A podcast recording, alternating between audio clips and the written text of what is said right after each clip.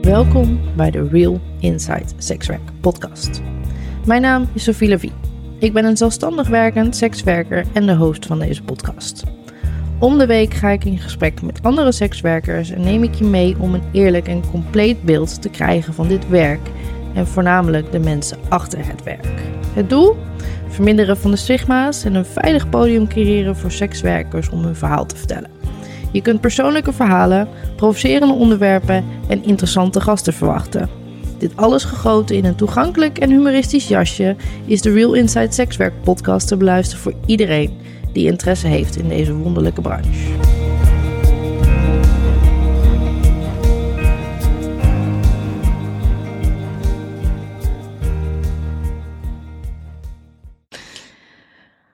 Hallo allemaal en welkom bij de. de, de- de- de- de- begin ik nu alweer? Meid, word je zenuwachtig van me? Nou, nee, het is gewoon weer even wennen, geloof ik. Goed, hallo. en ehm, een nieuwe aflevering van de Real Inside Sexwork podcast. Ik moet ook een nieuwe naam trouwens. Oh jee. Ja, dit klinkt echt niet lekker. Nee. Het is zo lang. Real Insight Sex Sekswerk podcast. Dat is toch een bek vol? Hm. Ja, soms is je bek vol best lekker, toch? Dat is zeker waar. Ik heb daar geen actieve mening over. Of actieve herinnering. Ik heb daar absoluut actieve herinneringen aan op dit moment. Hmm, Oké, focus. Maandagochtend. Nou ja, ik had eh, net verteld dat ik wel een ehm, erg leuk weekend had gehad. ja, dat eh, Ja, in geuren en kleuren. Ja, inclusief het filmpje toch? Ja, ook dat nog. ja, ik zag niet zo heel veel behalve dan, ja, een harde penis. Dat is toch... En jou. Ja, Ja. ja, Ja, op zich niet gek op de, op de maan, ah, vrijdagochtend wou ik zeggen, maar het is gewoon maandag. het is maandag. Seks brengt bij mij een beetje weekend vibes naar boven, maar het is gewoon maandag. het is gewoon maandag. Ja. Check. Oké, nou, lekker introductie weer. Ehm Noelle, zit voor mijn neus. Ehm, Noelle is eigenaresse van een high-class escortbureau. Klopt. En Noelle is ook zelf escort geweest. Klopt ook nog eens een En keer. Noelle is ook regelmatig in andere podcasten eh, en, en heeft al best wel heel erg veel van zichzelf gedeeld en van het bedrijf gedeeld. Mhm. Eh, dus het doel van deze podcastopname voor mij is om eigenlijk zoveel mogelijk dingen te bespreken die je nog niet verteld hebt. Nou, ik ben benieuwd of dat, eh, of dat gaat lukken. of dat gaat lukken. Hoe creatief ik vandaag Ja. ben. Ehm, want je escortbureau heet. Ja. Nou, voor nu nog Exquisite International. Maar blijkbaar is het voor eh, de medemensen eh, eh, lastig spellen. Mhm. Exquisite. Ehm, ja, nou ja, in mijn optiek is het gewoon wel echt een prachtige naam. Alleen, ehm, ja, als je kijkt naar ehm, eh, het, het intypen op Google, je vindbaarheid, nou ja, als het daarover gaat, is Exquisite gewoon een lastige naam blijkbaar. Dus eh, we zijn volop bezig om daar eh, veranderingen in te brengen. Check. Kun je Ja. daar al iets over delen? Dat kan. Ehm, we zijn ook volop bezig met een nieuwe website. Want bij een nieuwe naam hoort natuurlijk ook een nieuwe branding. Mhm. Ehm, eh, de, de insteek van het bedrijf wordt zeker niet anders. Want we zijn een high-class escortbureau. ehm, wat natuurlijk ook interpretabel is, hè, wat high-class is. Alleen Mhm. We pleiten een high-class escortbureau te zijn. Ehm, maar bij een andere naam, wat ik net al zei, eh, hoort ook een nieuwe website. En ehm, nou ja, we hopen dat dat eh, nog meer eh, zijn vruchten gaat afwerpen. En hopelijk ook een soort van ehm, ja, verandering gaat brengen in de branche. Nice. Ja. Oké. Je geeft me nu alweer munitie. Ja. Je mag schieten. Want je benoemde het net al. High-class escortbureau. Ja. Ik denk dat er voor heel veel mensen onduidelijkheid is over wat nou high-class is. Dus zou jij eens willen benoemen wat voor jou high-class is? En of dat ook afwijkt van de gemiddelde high-class. Dus wat, hoe ziet de branche high-class? Ja, nou, ik, wat ik net al aangaf, kijk, high class is natuurlijk enorm interpretabel. Wat voor jou high class is, hoeft voor mij niet high class te zijn. Eh, maar wat ik high class vind en wat ik probeer uit te stralen met exquisite, dan wel de naam die het gaat krijgen, ehm, is dat, ehm, ja, zeg maar echt het, de hoge standaard in de vorm van dat een dame het werk echt leuk vindt. ehm, dat ze zich content voelt met wie zij is, wat ze is, dat ze zelfverzekerd is, dat ze, ehm, hij of zij trouwens, ik benoem nu elke keer ze, maar dat kan natuurlijk ook een man zijn, Mhm. helemaal ook bij Exquisite. Ehm, maar dat dat gewoon het, het, het stukje wat high class is, dat dat ook voornamelijk in de vrouw zelf zit. En in de voorbereiding van mij naar de dame, naar mijn cliënten. Ehm, eh, het goed inlichten wat wat is. eh, het, het goed screenen van de, van de cliënten. eh, maar ook het goed screenen van de dames die met mij werken. Mhm. Ehm, kijk, high class zit per se niet in. Niet per se in ehm, dat jij Louboutins draagt of dat jij een, een Gucci jurkje aan hebt. Tuurlijk draagt dat bij aan wat high class is. Alleen het heeft voor mij voornamelijk te maken met eh, wat je uitstraalt en wie je zelf bent, wat voor persoonlijkheid je hebt. En als jij met die persoonlijkheid de klanten aan je weet te binden of de cliënten ehm, en daar een onvergetelijke indruk achterlaat, dat is wat voor mij high class is. En dat hoop ik ook uit te stralen met, eh, met Exquisite. En waarom zou een klant, een cliënt dat, waarom, waarom daarvoor kiezen? Ehm, nou, omdat het is natuurlijk best wel makkelijk om seks te krijgen. Kijk, je kunt feitelijk op elke straathoek wel seks krijgen als je dat wil. Ehm, kijk, als je naar Amsterdam gaat en je gaat naar eh, de Red Light District, daar is absoluut ook helemaal niks mis mee. Ehm, maar ik denk dat dat een andere interpretatie van wat high class is. Misschien vinden zij zichzelf ook wel high class. Alleen daar krijgen ze geen beleving. Misschien is high class ook wel meer een beleving. Mhm. Ehm, het is natuurlijk heel makkelijk om seks te hebben in een uurtijd of misschien wel in een kwartiertijd. Alleen, ehm, ja, wat wij bieden is toch wel meer die beleving. En tuurlijk, een twee uur date hoeft ook niet per se alleen maar een beleving te zijn. Alleen je pro- probeert wel ook in die twee uur tijd een soort van connectie te maken met je klant. Mhm. Ehm, ja, en ik denk wel dat dat anders is dan, nou ja, wat misschien andere bureaus of whatever doen. En nogmaals, ook helemaal niks te nadelen van andere bureaus, want iedereen doet waar die goed in is en eh, eh, heeft zijn eigen sterke punten en positieve punten. Dus ook daar wil ik niet over oordelen, maar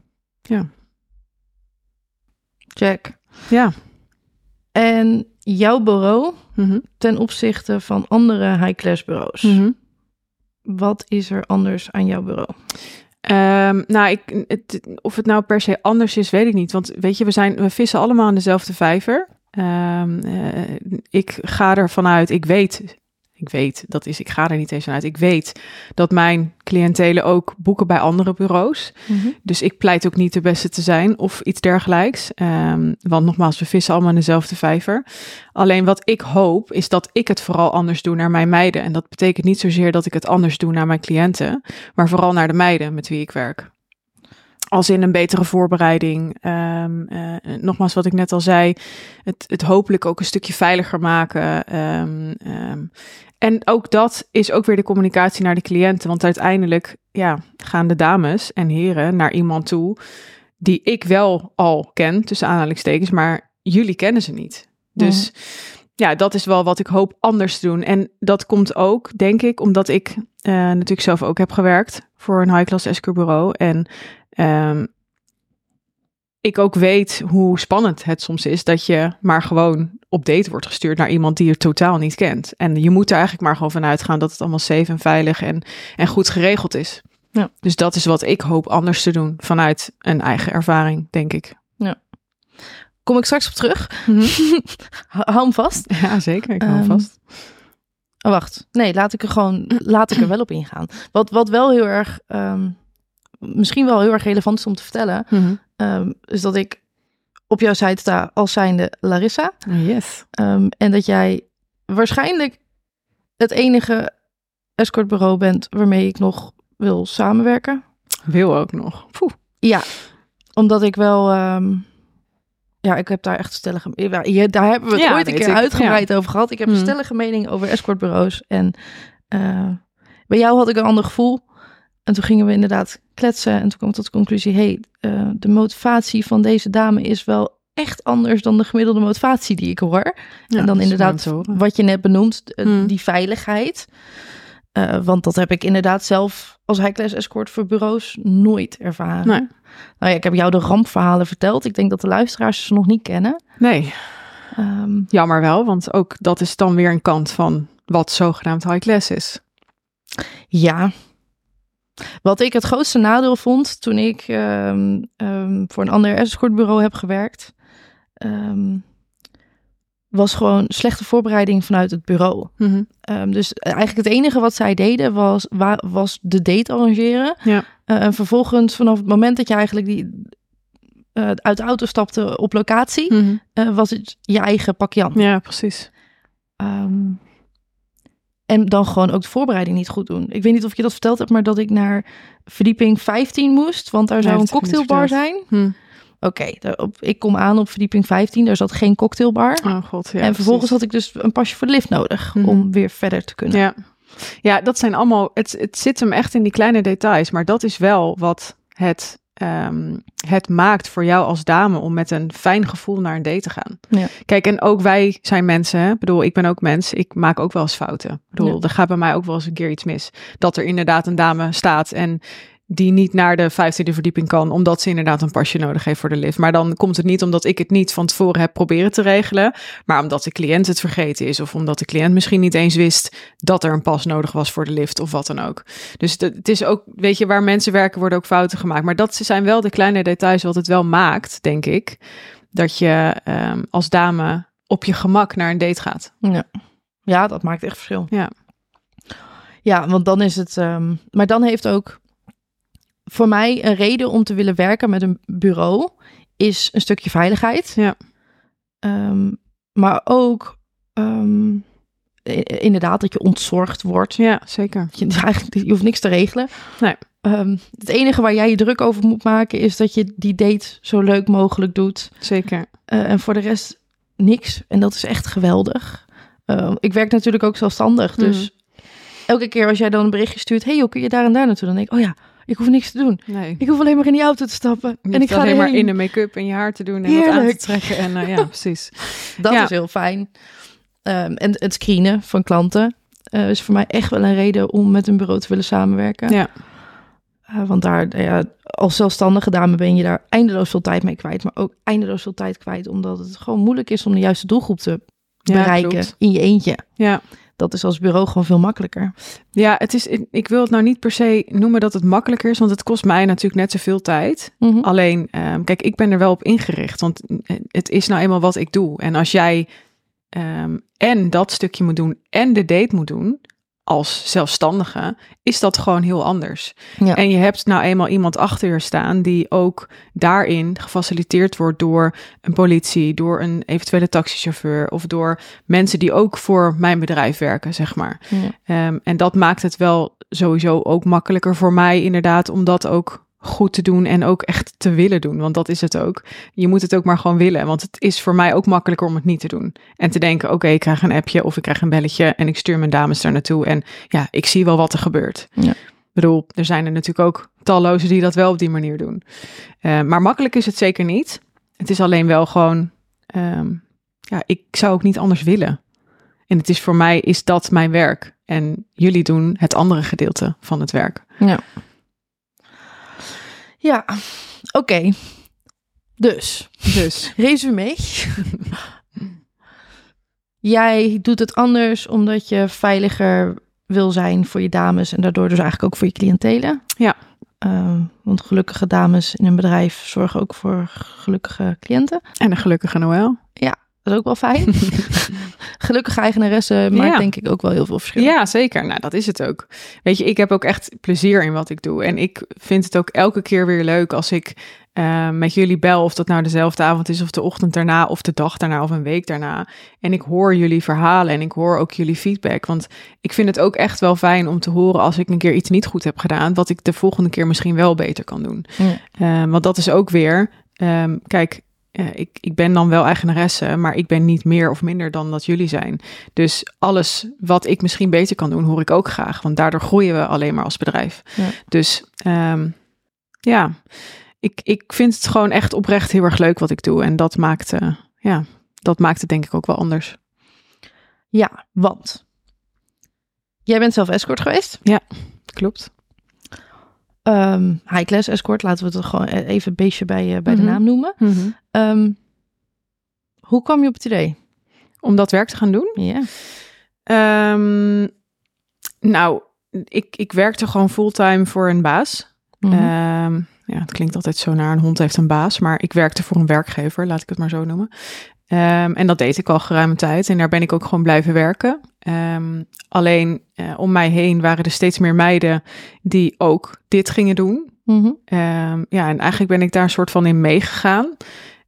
Ik hoorde de spannende, leuke verhalen over eh, wat voor dates ze hadden. Ja, en, en om er ook niet omheen te draaien, de verdiensten die er ook uitkwamen. Hè? Want natuurlijk, het geld mag zeker geen prioriteit, drijfveer hebben. Alleen, ja, weet je, de verdiensten zijn gewoon leuk. Dus dat mag ook zeker een drijfveer zijn. Ehm, ja, en alles in die combinatie met dat het heel leuk is en op mooie plekken waar je kwam en of komt en ehm, de, de mensen die je ook ontmoette en eh, de expats, eh, de Nederlanders, eh, het maakt eigenlijk niet heel veel uit, maar ja, dat maakt het voor mij wel heel erg spannend om te kijken of dat ook wat voor mij zou zijn.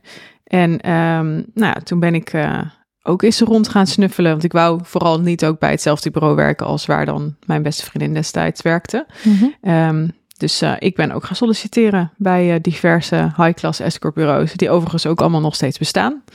Ehm, Was je toen ook selectief in, je, in het bureau? ja, zeker, want eh, ik kon er wel bij drie aan het werk. Ja. Ehm, alleen, ja, uiteindelijk heb ik gekozen voor wat voor mij het meest fijn voelde, denk ik. Dus je hebt de keuze gemaakt alleen, alleen gebaseerd op, op hoe, hoe, het, hoe het voelde, hoe de... Ja, hoe de connectie was met degene eh, die het bedrijf eh, leidde, zeg maar. Ja, ja en, en uiteindelijk kom je dan tot de conclusie dat het misschien toch ook niet altijd zo is zoals het op dat moment voelde. Maar goed, dat weet je, dat is ook misschien een samenloop van omstandigheden. Daar ga ik ook, weet je, daar wil ik ook geen uitspraak over doen, omdat ik ook mijn collega's niet wil afvallen. Mhm. Ehm, ik kan het alleen maar anders doen. Ja. Ehm, maar ik heb daar zeker, ben ik daar wel echt wel selectief op geweest, ja. Bedoel, Was je toen ook al bewust van... ehm wij, wij hadden het daar net even over, Mhm. maar ehm, de grote concurrentiestrijd in, in, in deze branche bijvoorbeeld, nu je inderdaad ook je eigen bureau hebt. Nou, ik was me daar niet per se van bewust. Mhm. Want ja, weet je, je staat als werknemer natuurlijk heel anders in de wedstrijd dan als werkgever of als eh, bedrijfseigenaar. Alleen wat ik me toen al wel heel erg ehm, opviel, zeg maar, is dat ehm, ik vertelde ook dat ik al twee gesprekken had gehad bij andere bureaus. En eh, ik ben ook eerlijk geweest over welke bureaus dat waren. En wat me wel heel erg opviel, is dat ze elkaar allemaal afvielen.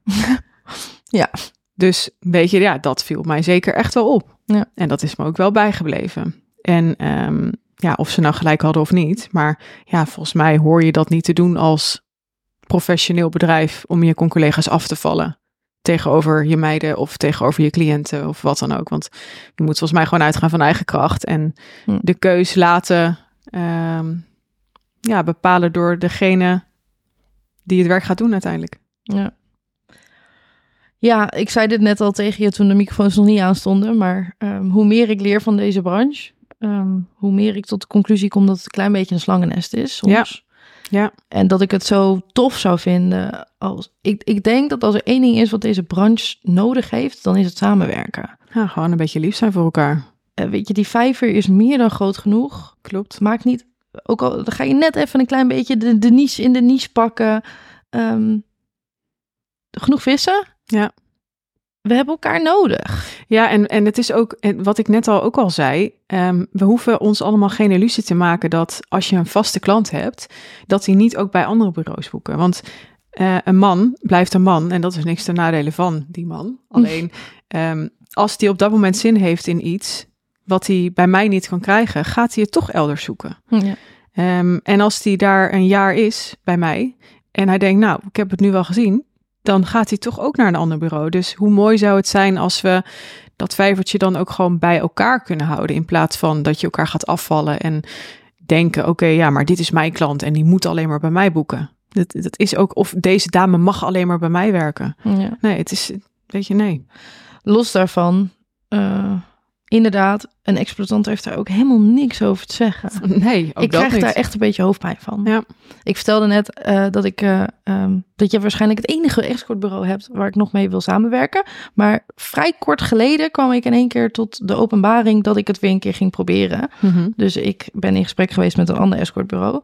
Eh, voornamelijk omdat hun, hun, hun uitstraling eh, en, en, en presentatie echt heel erg past bij mijn kernwaardes in, Mhm. in, in mijn werk. Nou ja, jij kent ze. Ze komen heel, heel veel overheen met eh, alle facetten van het high class. Maar er zit bij mij nog bij dat ik me echt specialiseer in die echtheid. Mhm. Dus niet het perfecte vriendinnetje, maar gewoon een Ja. jonge dame Ja. waarmee je een echte interactie hebt. Nou, ja, dat, dat past heel erg bij, bij dat escortbureau. Ehm ben ik mee in gesprek geweest. Eh, toen vertelde ik dat ik nog voor een ander bureau werkte. En toen vertelde ik dat ik nog zelfstandig werkte. En ik heb nooit meer iets van ze gehoord. Oké. Apart. Ehm, dus dat vonden ze ehm, echt een heel groot nadeel. En van dat stukje zelfstandige, dat snap ik. Mhm. Want dat is een nadeel. Dat kan een nadeel zijn, maar dat kan juist ook heel erg positief werken als je dat op een goede manier aanpakt. Want Nou ja, ehm, je, je Oh. kunt elkaar ook versterken, denk ik. ik heb mijn pen gemold. ja. ja, dat krijg je ervan. Het is mijn lievelingspen. Ja. Dan moet je een nieuwe lievelingspen zoeken. no. Oké, sorry. Nee, ehm, ik denk juist dat je elkaar ook kunt versterken. Want volgens mij, ehm, kijk, deze hele branche is gebouwd op het maken van SEO. Wij mogen namelijk als eh, sekswerkers, als de escortbureaus, hoe je het ook, geef het beestje een naam, mag je geen reclame maken. Dus als je juist ook die doorlink kan maken naar elkaar, naar je website, naar Google, naar Mhm. wat dan ook, kun je daar juist heel veel mee. In Ja. plaats van dat je denkt van, hm, nee, ja, straks eh, komen mijn cliënten ineens bij haar terecht en gaan ze rechtstreeks bij haar boeken en loop ik omzet mis. Nee, je kunt elkaar er ook in helpen, maar dan moet je wel open en eerlijk zijn naar elkaar. Ja, nee, dat lijkt me vereiste. En Ja. ik denk dat het daar vaak misgaat. Ja, dat is het ook. en ik heb het helaas ook meegemaakt dat dat inderdaad zo is. Dat dames het eh, voor mij achterhielden omdat ze bang waren dat ik daar een mening over zou hebben. Dat ze ook nog voor andere bureaus werkten. Ehm, omdat ik van klanten hoorde van, Ja. goh, ik ken die dame, werkt die ook nog elders? Nee hoor, zei ik. Die werkt niet elders, want ik had tenslotte ook met de dame besproken dat ze niet elders werkte. En ook heel duidelijk aangegeven, als dat wel zo is, be my guest, wees er gewoon eerlijk over. Ik vind het niet erg, maar ik moet het wel weten, omdat dat stukje, dat klanten ook je gaan herkennen, omdat ze ook bij andere bureaus boeken, wil ik voorkomen ehm, om mezelf voor lul te zetten, even heel plat gezegd. Ja. Dat ik zeg, nee, maar deze dame werkt niet ergens anders. Dus blijkbaar voelen de dames zich ook niet veilig, omdat er zo'n stigma op zit bij andere bureaus of oordeel. Ja. eh, dat ze zich ook niet veilig voelen om het tegen mij te vertellen dat ze elders werken. En gelukkig het gros wel hoor, maar ja, er zijn er ook bij die dat blijkbaar niet doen. ja, ik heb daar een mening over. Ik heb er ook een mening over. Alleen, ehm, het, het- ik vind het lastig om. Is het dan zo omdat ze gewoon venijnig zijn en omdat ze dus inderdaad denken van oké, ik probeer overal wat omzet weg te halen, want welke, waar ik ook een boeking krijg, ik wil gewoon geld verdienen. Of is het inderdaad omdat ze zich niet veilig voelen en het niet durven te vertellen? Want dat is een beetje waar ik, die tweestrijd heb ik een beetje van, waar oordeel je nou op, zeg maar? Ik vrees dat dat een, ehm, een samenhangsel van beide is. Ja. Wat mij heel erg opvalt bij dames in deze branche, ehm, is dat het niet altijd de meest integere Nee. personen zijn. Helaas niet, nee. Dat eh, heb ik inmiddels ook al een paar keer meegemaakt. Dus En dat is een beetje stom om te zeggen, want ik weet dat er ook echt heel veel uitzonderingen zijn. hmm, Ehm, maar de intrinsieke reden om dit werk te gaan doen is wel heel vaak geld. ja, klopt. Klopt helemaal. Ehm, en dan boeit het je inderdaad niet bij welk bureau het is. Nee. En dan maakt het je niet uit dat het één keer via een bureau is en daarna via jou, waardoor je er veel meer aan verdient. Klopt. Ehm, alleen het rimpeleffect daarvan is wel dat de goede bedrijven die er zijn, er straks niet meer zijn als alle dames dat doen. Ja, ja. Weet je, dat, dat is natuurlijk ook wel... Daarom begrijp ik ook heel veel high-class escort bureaus... dat ze het dus niet willen. Ja. Ehm, alleen, ja, ik, ik ga dan toch altijd nog maar uit van het goede van de mens. Dat ik hoop dat mijn dames open en transparant zijn naar mij. Omdat ze dat ook van mij terugkrijgen. Want dat is nou eenmaal gewoon een wisselwerking. Kijk, Ja. als ik het niet ben, dan kan ik ook niet verwachten van mijn meiden of van mijn cliënten dat zij dat wel zijn. Ja. Ehm, maar als ik al op voorhand heel erg wantrouwend ga zijn, ja, dan krijg je dat ook niet terug. Dus het is zo'n lastig iets, dit. Ja. Ehm, want weet je, ik heb ook altijd geroepen in het begin, ja, maar ik wil niet zo hard zijn en ik wil niet zo'n zo'n Kenau zijn die eh, de meiden drilt en zegt van jij mag dit niet, jij mag dat niet. Alleen ik begrijp nu wel steeds meer hoe langer ik dit doe, dat de, ehm, eh, de nou ja, mijn concurrenten of collega's het wel zijn geworden. Ja. Ik begrijp het wel. Precies om wat jij net zegt. Omdat je blijkbaar ook als je je rug omdraait, daar ook gewoon een keiharde mes in krijgt. Ja. Van de meiden. Maar ook, dat, dat is ook wat je net zegt, niet iedereen is zo. En ik, ik hoop ook gewoon dat ik maar gewoon mag uitgaan van de goedheid dan. En ja, weet je wel, is de leugen nog zo snel, de waarheid achterhaalt dan wel uiteindelijk. Ehm, ja, Ik denk ook dat er een, een, dat er een rol voor de dames die dit werk gaan doen is, maar ook voor elke exploitant. Eh doe me eraan denken, heb ik ooit wel eens uitgelegd dat een exploitant seksbedrijf is, eh, zeg maar iemand die een dame Exploiteert, Ja. ja. Ik weet niet of ik het heb echt ga uitgelegd, maar daarom gebruik ik het woord exploitant. Ehm, goed verhaal, Marie. Stop weer. waarom is dat eigenlijk?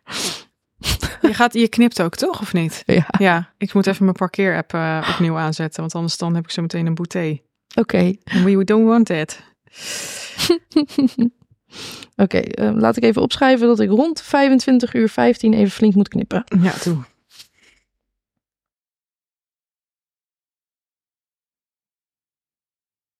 And it's on. Is on. It's on. Yes. Oké, net het hele neuzelverhaal over eh exploitanten. Ehm, ik denk dat er een, een, een rol zit voor dames om zich ook beter te informeren over wat nou ook je rechten en je plichten zijn als dame. Eh, het moment dat je een overeenkomst tekent met een escortbureau, staan daar een aantal dingen in die heel veel effect kunnen hebben. Ehm, Klopt. En je moet weten wat er staat. Nou ja, heel veel meiden lezen het ook gewoon niet. Weet je, ik, ik doe dat ook bewust. Ik ga altijd eerst een kennismakingsgesprek met iemand aan. Mhm. Ehm, en wanneer het gevoel van beide kanten goed is, plan ik een tweede gesprek in.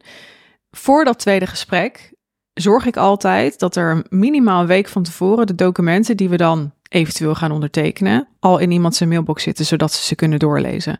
En het zijn geen epistels van duizend pagina's. Nee, het is gewoon heel simpel. Het is een bemiddelingsovereenkomst waarin staat wat jouw rechten zijn en wat jouw plichten zijn en wat mijn rechten en wat mijn plichten zijn. Hmm.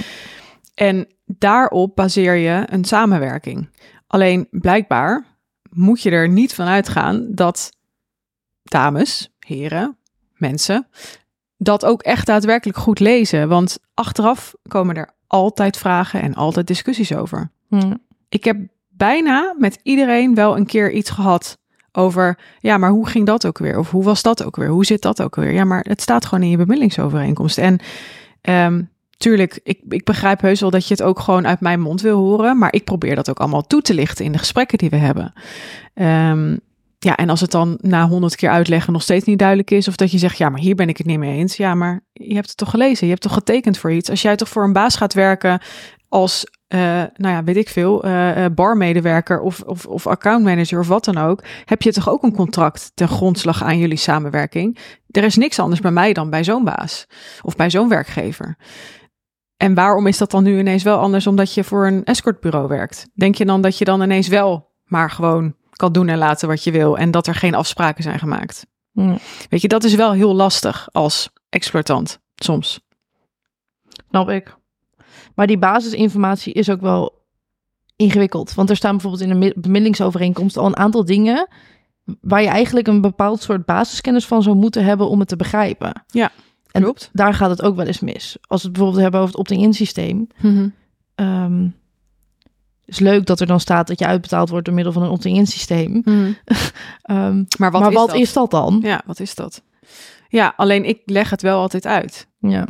Want wat is opting-in nou? Weet je, de, het staat er en ik, ik leg het altijd wel uit. Want het is heel logisch dat je wil weten hoe je wordt uitbetaald. En hoe werkt dat nou eenmaal? En hoe vaak word je uitbetaald? En hoeveel belasting gaat er af? En wat voor belasting betaal je überhaupt in deze branche?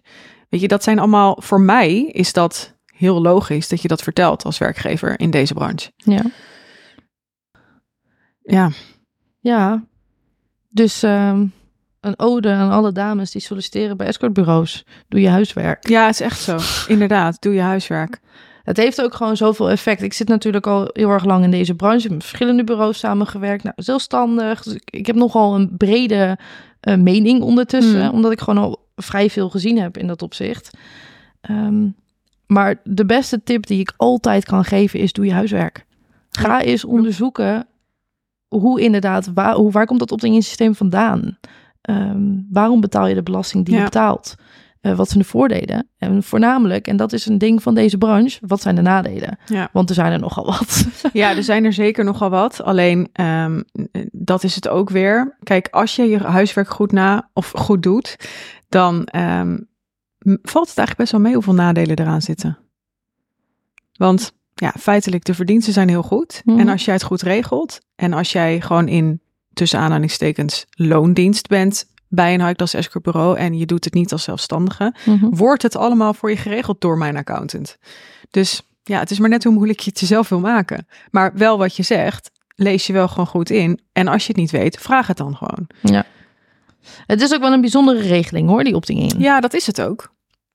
Alleen als je het weet, ehm, nogmaals, het wordt allemaal gewoon voor je geregeld. Het enige wat jij hoeft te doen is je loonheffingsformulieren invullen. Mhm. Ik meld je aan bij de Belastingdienst of mijn accountant. En ik registreer jouw verdiensten. Je krijgt je loonstrook en je krijgt je salaris. Je hoeft niks te doen. Ja, dat is top. Ik snap ook waar die vandaan komt. Hij is ooit door de Belastingdienst eh, verzonnen, zodat dames van plezier Ja. eh, makkelijker hun Precies. belastingen konden Ja. dus ik snap het. Het is ook heel makkelijk. Het wordt je heel makkelijk gemaakt. Ja, en, en dat is het ook weer. Kijk, ik heb er ook bewust voor gekozen om het niet zelf te doen. En eh, daar een accountant ook gewoon voor te laten werken. Ja. Juist ook omdat ik het best wel precair vind. Hè? ehm, verdiensten in deze branche. Dat ik ook wil dat het echt goed wordt gedaan. En dat het ook heel goed wordt gedaan voor de Belastingdienst. Want ja, je ligt nou eenmaal gewoon onder een vergrootglas bij de Belastingdienst. Dus, ehm, en dat is ook prima hoor, want zo scheiden we misschien ook het kaf van het koren. Alleen, ehm, ik heb er juist daarom ook voor gekozen om het allemaal te laten doen. De Ja. lonen. Ik, ik doe dat niet. Ik, het enige wat ik doe is aanleveren aan mijn accountant hoeveel uren iemand heeft gemaakt en wat de verdiensten zijn geweest. Ehm, en hij regelt de rest voor mij. Handig. Ja, Scheelt weer. ja, Lijkt me inderdaad ingewikkeld, vooral als je inderdaad met veel dames werkt. ja, dat is het ook. En juist ook omdat ik daar ook dus geen fouten in wil maken. Ja. Omdat dat gewoon een hele hoop gezeur oplevert. En dat wil je niet. Ja, dat is goed geregeld. Ik vind dat wel, ehm, dat valt me inderdaad ook wel op. Ik heb dus, eh, dus ook dat ik ondertussen een beetje wantrouwig ben. Ehm, Snap ik. dus dan, ik ben ondertussen ook zo vaak bedonderd geweest, dat ik er ook altijd vanuit ga dat mensen niet meer Te integer vertrouwen zijn. zijn. Ja. ja, dat is nou eenmaal het En dat nadeel. is zo naar. Ja, dat is het echt. Als je dan dus in- inderdaad iemand tegenkomt die integer is, dan geef je die persoon geen eerlijke kans. Nee, je bent al bevooroordeeld. Ja. Ja, het is echt, eh, ik, ik heb echt precies hetzelfde. Maar ja, dat is het ook weer. Je moet jezelf ook niet laten leiden door die angst. Want weet je, daar wordt het voor jezelf niet leuker op, maar dan wordt het uiteindelijk ook voor je bedrijf niet en voor je meiden of Nee. voor wie dan ook, voor je omgeving wordt het er gewoon niet leuker op. Nee, het heeft, een, eh, het heeft echt een effect. Ja, maar het is wel logisch. Ja. Oké. Jij hebt net al wat verteld over dat er een aantal grote veranderingen aankomen. Waar je nog niet zo heel veel over kan delen, maar je hebt er wat over gedeeld. Mhm. Dus ehm, mensen weten je vast wel te vinden als ze daar meer over willen weten. Ter zijn de tijd. Ehm, we hebben al gekletst over dat jij ook als escort hebt gewerkt, wat je motivatie destijds was. Hoe, hoe lang heb je dat gedaan? Ehm, nou, toch wel ruim twee jaar, tweeënhalf jaar. En Ja. toen gestopt? Of ben je direct daarna begonnen met je escortbureau? Nee, ik, ehm, ik kwam mijn huidige partner tegen. Mhm. En ehm, ja, dat, dit, dit gaat misschien voor de luisteraars misschien wat verkeerd klinken, omdat ik er juist niet heel erg trots op ben. Maar ik, ik was toen best wel bang dat hij mij daarop zou veroordelen. Mhm. Ik was tenslotte ook pas 25 of 26. Ehm, dus ik heb er destijds voor gekozen om te stoppen. Ondanks dat ik het nog steeds heel leuk vond. Maar om daarmee te stoppen omdat ik hem tegenkwam. En ik ben daar in eerste instantie ook niet eerlijk over geweest tegen hem. Ehm, eigenlijk pas toen ik Exquisite ben begonnen. ehm, of in ieder geval het idee had om te beginnen. Heb ik hem pas verteld dat ik het zelf ook gedaan heb. En dan praten we ook gewoon al meteen weer over twee, drie jaar later. Vier jaar later misschien zelfs wel. dus nee, ik ben gestopt voor de liefde. Oh, Lopoes. dan komt de poes zich ermee bemoeien. Ja. Ik heb een aantrekkingskracht op mannelijke katten. Ja, maar Dino is ook echt wel gewoon een eh geil monster. Oh, is dat het? Ruik je, ruik je een ander lekker poesje? Oh, bah. oh, er moet zoveel geknipt worden in deze opname. Nou, ik heb eraf, Dikkert. Hoe je mijn kat nou dik? Ja, ik noem mijn puppies ook altijd Dikkert. Klinkt zo lief. Niet cool dit. Dikkertjes. Lekkere dikketjes.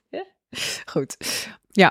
Oké, dus... ehm, wow, ja, dit is een stukje informatie die ik nog niet van je wist. Nee. Waarom? Waarom niet verteld? Ehm, nou, puur op eh, of om het stigma wat er nou eenmaal, waar ik nu echt fel tegen ben, zeg maar, hè, Mhm. dat er zoveel taboe rust op dit werk en op meiden vooral die het gedaan hebben. Want als man ben je natuurlijk super stoer als je gigolo bent. Mhm. Net zoals dat je in het normale leven, als je als man heel veel vrouwen hebt gehad, ook super stoer bent. En als je als vrouw heel veel mannen hebt gehad, ben je gewoon een slet. Mhm. Of een matras. Of eh, nou ja, in Zwolle noemen we dat dan het Zwolsmatras. Ehm, maar juist daarom heb ik het niet durven vertellen. Omdat er, ja, ik stond toen blijkbaar nog niet zo stevig in mijn schoenen als dat ik dat nu heb. Of als dat ik nu sta. Ik durfde het gewoon simpelweg niet te vertellen. Omdat ik Snap bang was dat hij misschien mm, mij niet meer zo leuk zou vinden. Ik snap het. Ja. En je benoemt net, goh, hier gaan de luisteraars een mening over hebben. Ik vind niet dat ze, de mensen die dit werk niet gedaan hebben, mogen hier geen mening over hebben. Nee, precies. Maar dat, ik zeg het ook heel bewust. Ook omdat ik wil dat daar misschien juist wel vragen over komen. Omdat misschien wel heel veel meiden eh, dit werk doen. Die zich daar misschien helemaal niet comfortabel bij voelen. Omdat zij bang zijn om veroordeeld te worden. Als ze daar misschien ooit eens een keer achterkomen in hun nabije omgeving of wat dan ook. Ja, maar laten we daar wel over zijn. Nou, jij, jij weet hoe lang ik dit werk al doe. Ehm, ik ben deze podcast begonnen onder andere omdat ik die wij, wij delen de visie dat, dat Mhm. het normaler zou moeten worden Ja. en eh, de schaamte eraf zou moeten. Nou ja, ik ben gewoon met de billen bloot gegaan en mijn podcast begonnen. Mhm.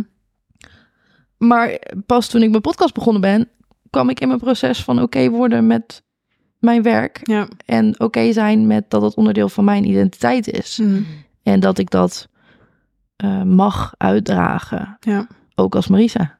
Ja, zeker. Alleen, ehm, ja, ook, ik, het is ook heel erg lastig, want ik wil ook de meiden die dat niet durven of niet kunnen of niet willen, niet veroordelen. Nee.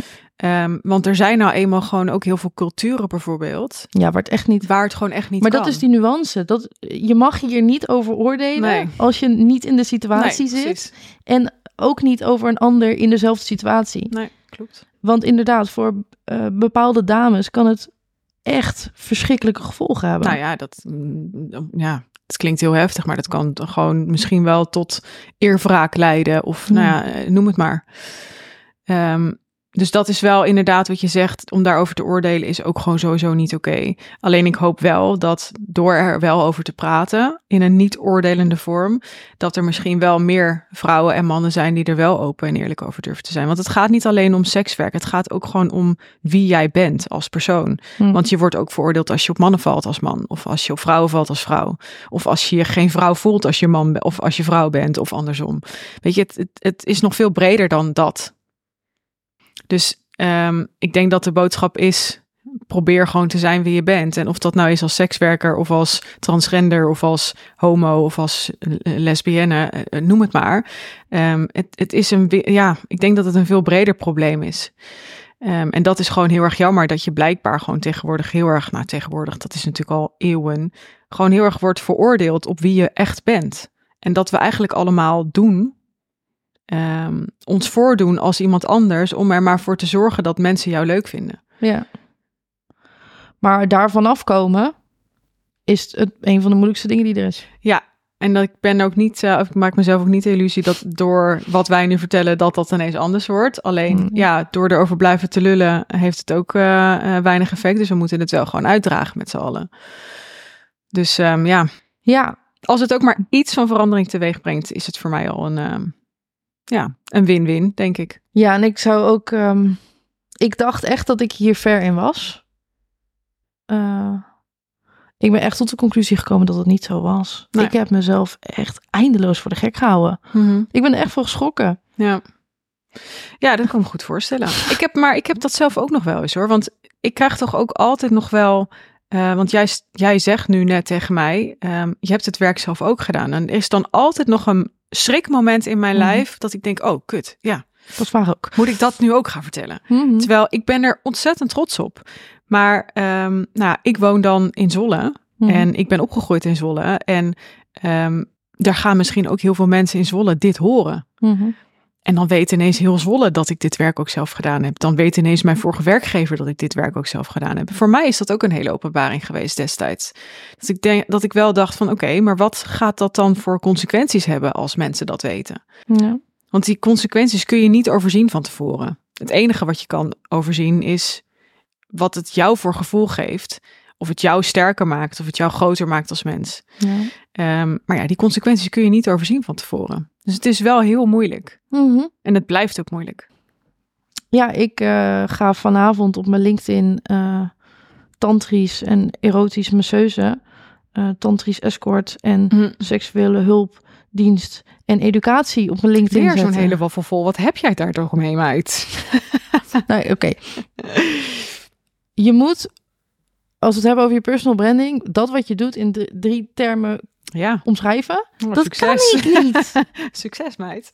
Kom op, maar dit, dit klinkt wel... Oké, misschien moet ik er nog even over nadenken, maar voor nu, er komt er in elk geval zoiets.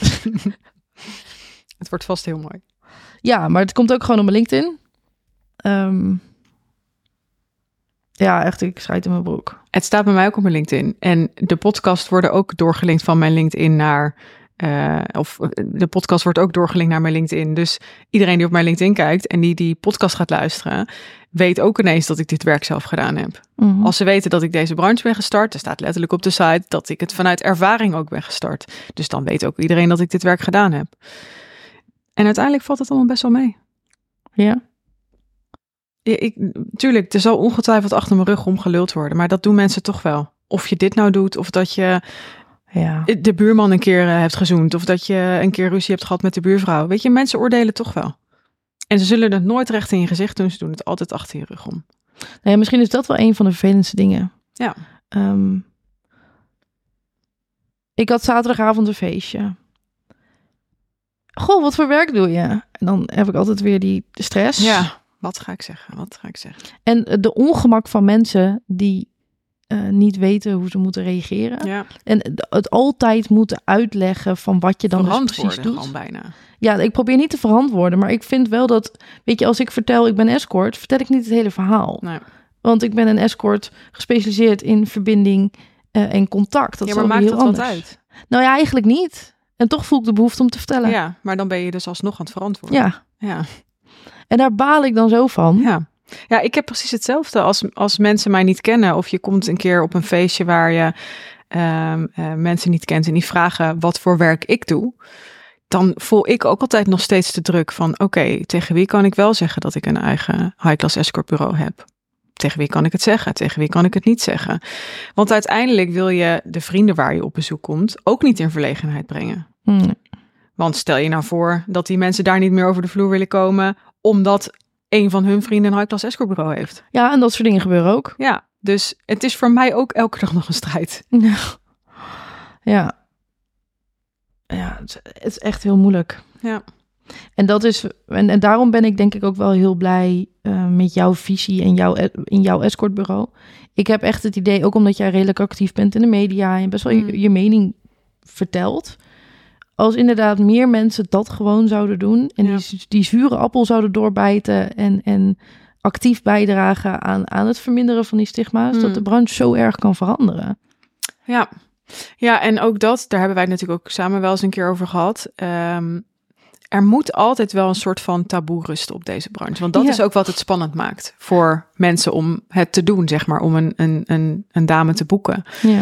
Ehm, alleen er zit wel verschil in een spannend taboe Mhm. Hè, dat het niet normaal is, tussen Mhm. aanhalingstekens. Want dat maakt het spannend. Alles wat niet mag is spannend. Mhm. Ehm, maar vooral naar de dames of de heren die het werk doen, dat taboe moet zeker wel doorbroken worden. Ja, ik geloof dat we daar verschillen van mening. Of nee, ik snap voor jouw bureau dat, dat, dat daar. Dat, dat high class heeft ook, ook nog iets, iets Ja, het moet. het spannend. Ja. Er zit iets. iets en, en in mijn zelfstandige werk ehm, doe ik dat juist heel erg niet. Mhm. Gewoon zo normaal mogelijk. Ja, snap ik. Wat echt een andere benadering is. Mhm. Ehm, en ik vind dat normaal, no- zo normaal mogelijk zou ook meer vertegenwoordigd mogen worden in deze branche. Ja, zeker. Dat begrijp ik ook. In persoonlijk. eh, ja, eh, dat is echt het verschil tussen inderdaad Ja. je bedrijfsconcept en, Ja. en wat ik gekozen heb, wat het meest bij mij past, ook zelfstandig. Neem niet weg dat elke keer als ik voor een bureau op pad ga, ik gewoon weer merk dat ik mijn andere jas aantrek. En die andere jas is ook erg leuk. Precies. En daarmee bedoel ik, eh, een andere, ik- dames in dit werk zijn soms in staat om een soort van een jasje aan te trekken. Mhm. Zo voelt dat dan. En dan ben je heel even een heel klein beetje iemand anders, wat dan heel dicht bij jezelf ligt. Ja, maar dat vinden ze juist ook heel leuk. Ja. Omdat ze dat in het normale leven ook niet mogen of kunnen zijn. Ja. En juist bij mij kunnen ze dat dan wel. Of bij het bureau waar ze werken. Ja, het is echt verschrikkelijk empowerend om Ja.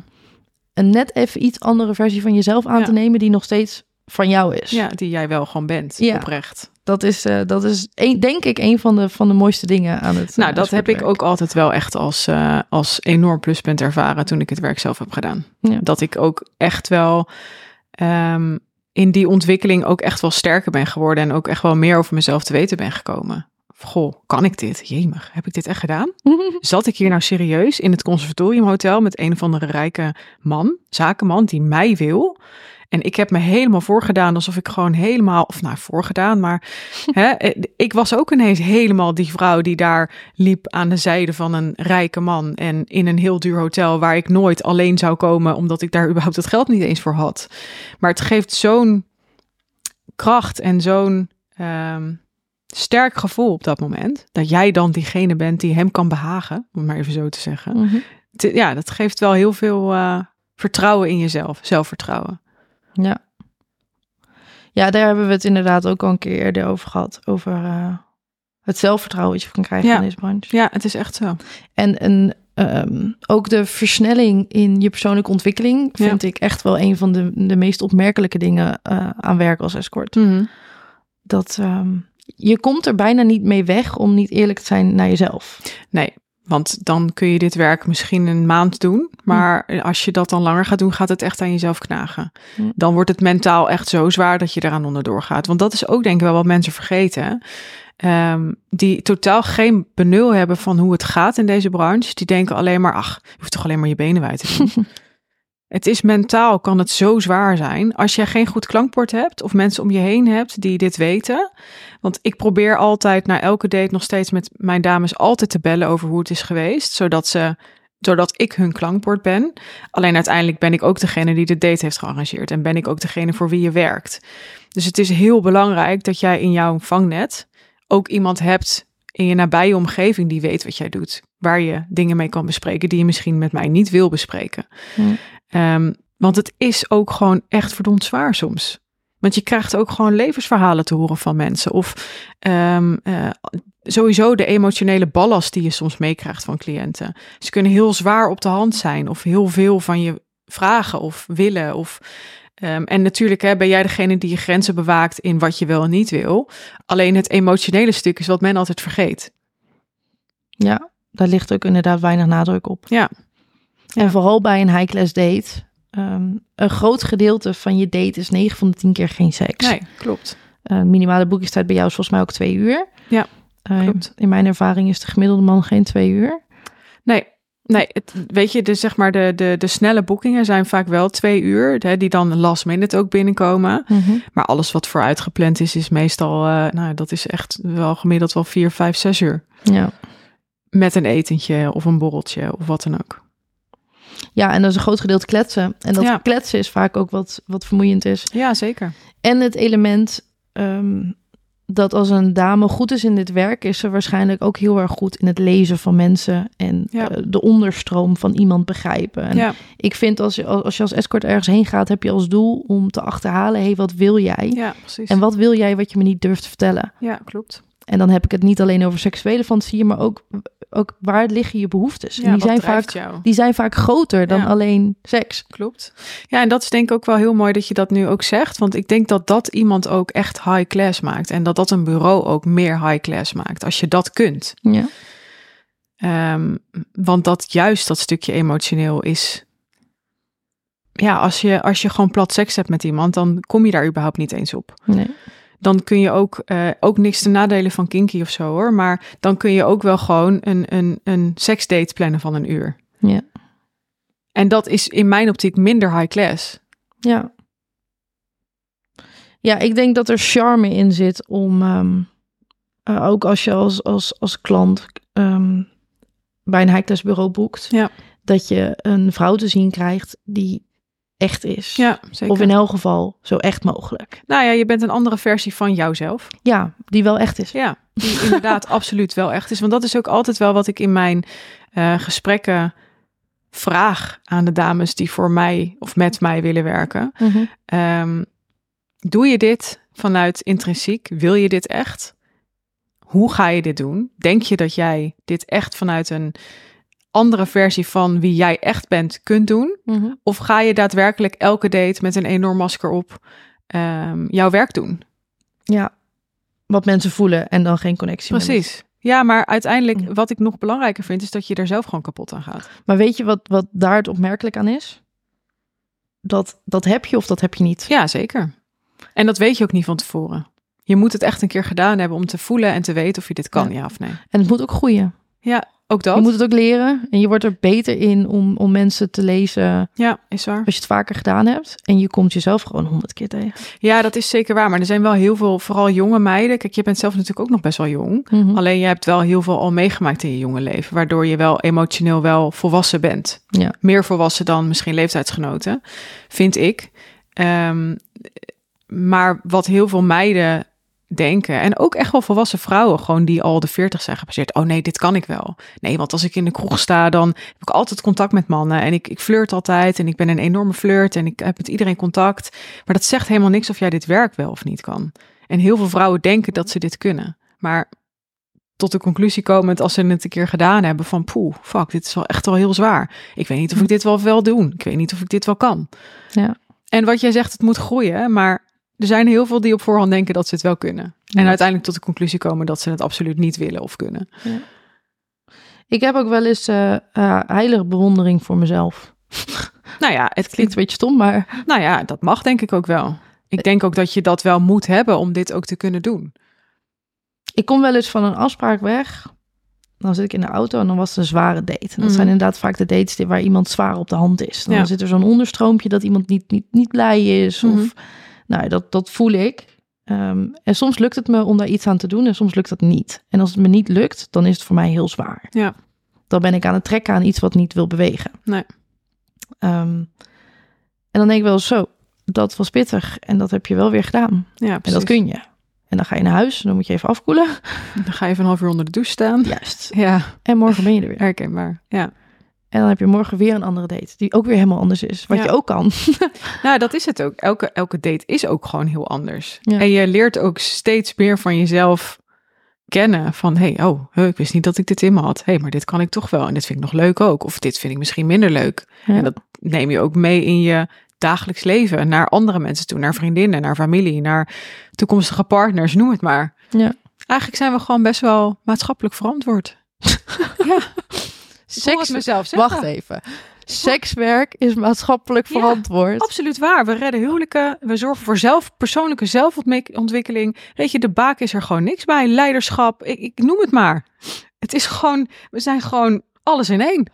Iedereen hoer worden. Ja. Ik klop mezelf gewoon even op de borst hier hoor. Hoppatee. Ja, het is wel zo. Het is wel zo. Dit is de, een van de beste uitspraken. ooit. Ja, openbaring van, eh, van de ochtend op de maandag. Nou, wat wil je nog meer? Oh, geweldig.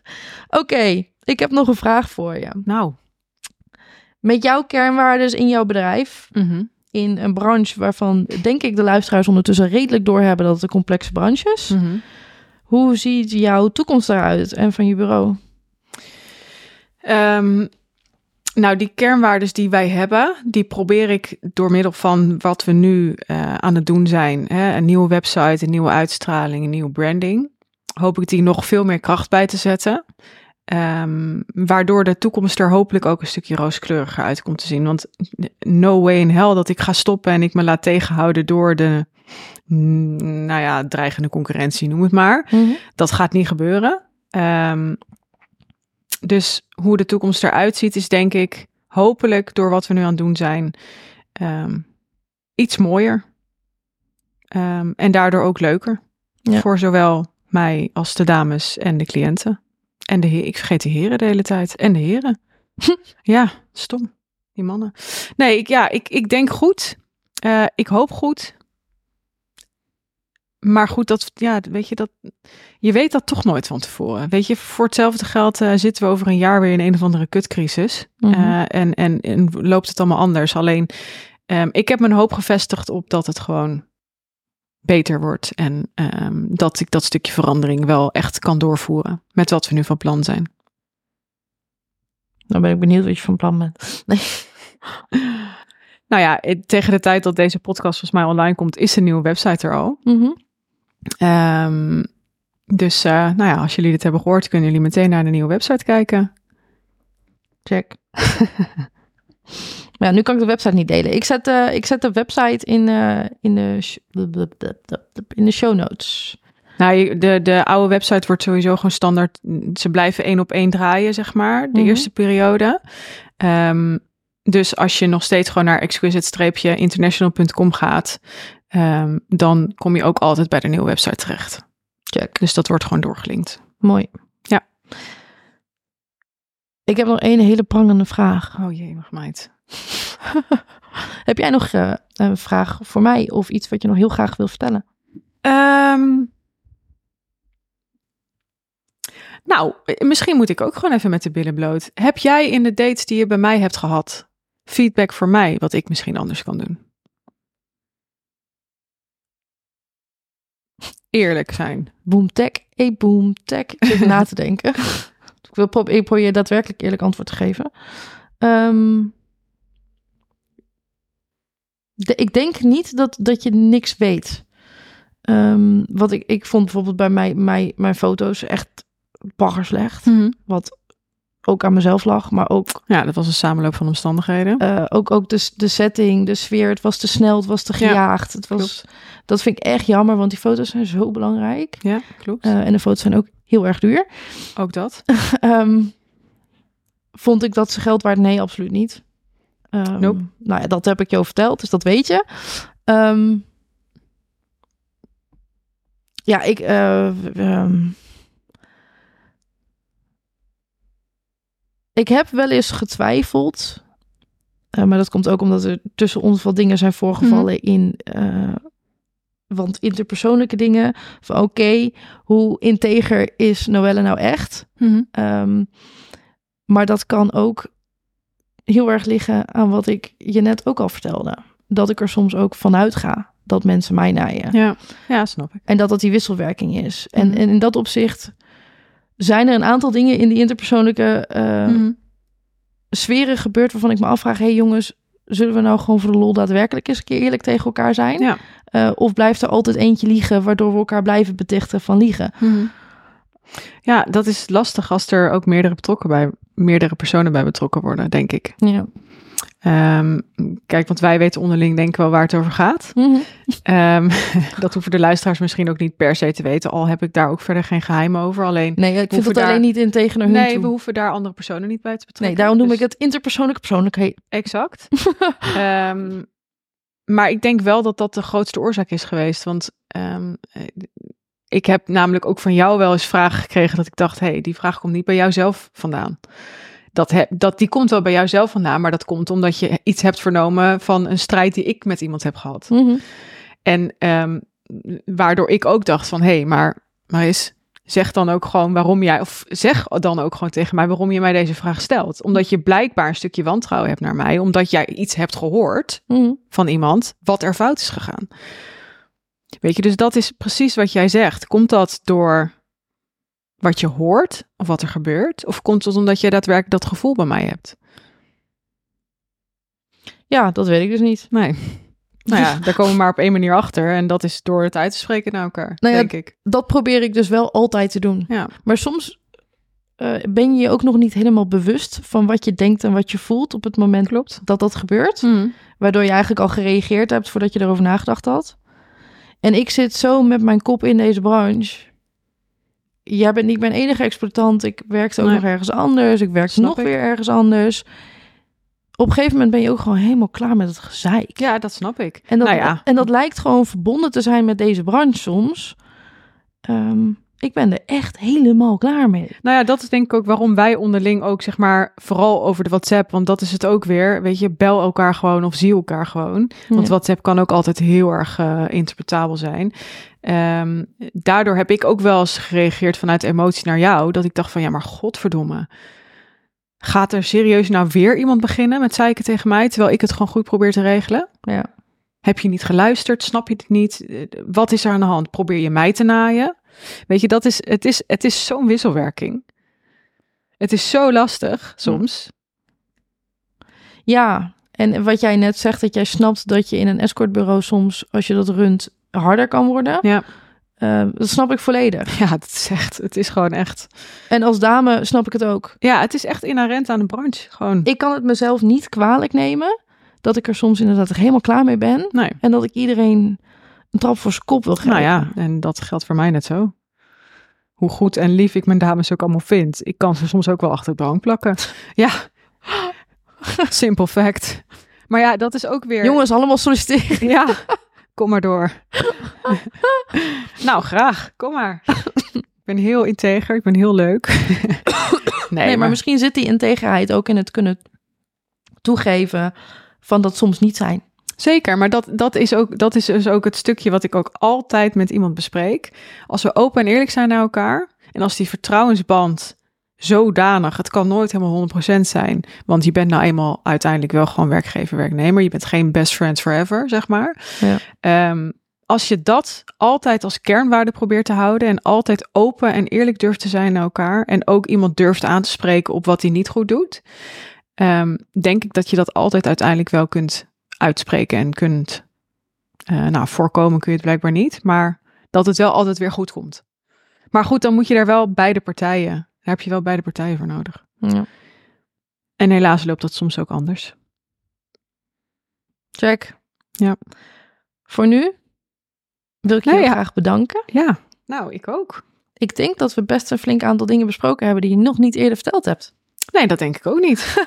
nou ja, en mocht je er nog veel meer hebben, dan eh wijden we er gewoon een podcast 2 aan. Ik doe met iedereen een part 2, ben ik ondertussen achter. Er komen vast heel veel vragen namelijk op dit soort dingen, denk ik. Dat hoop ik. Ja, misschien kunnen we daar dan ook nog weer rugbaarheid aan geven. Check.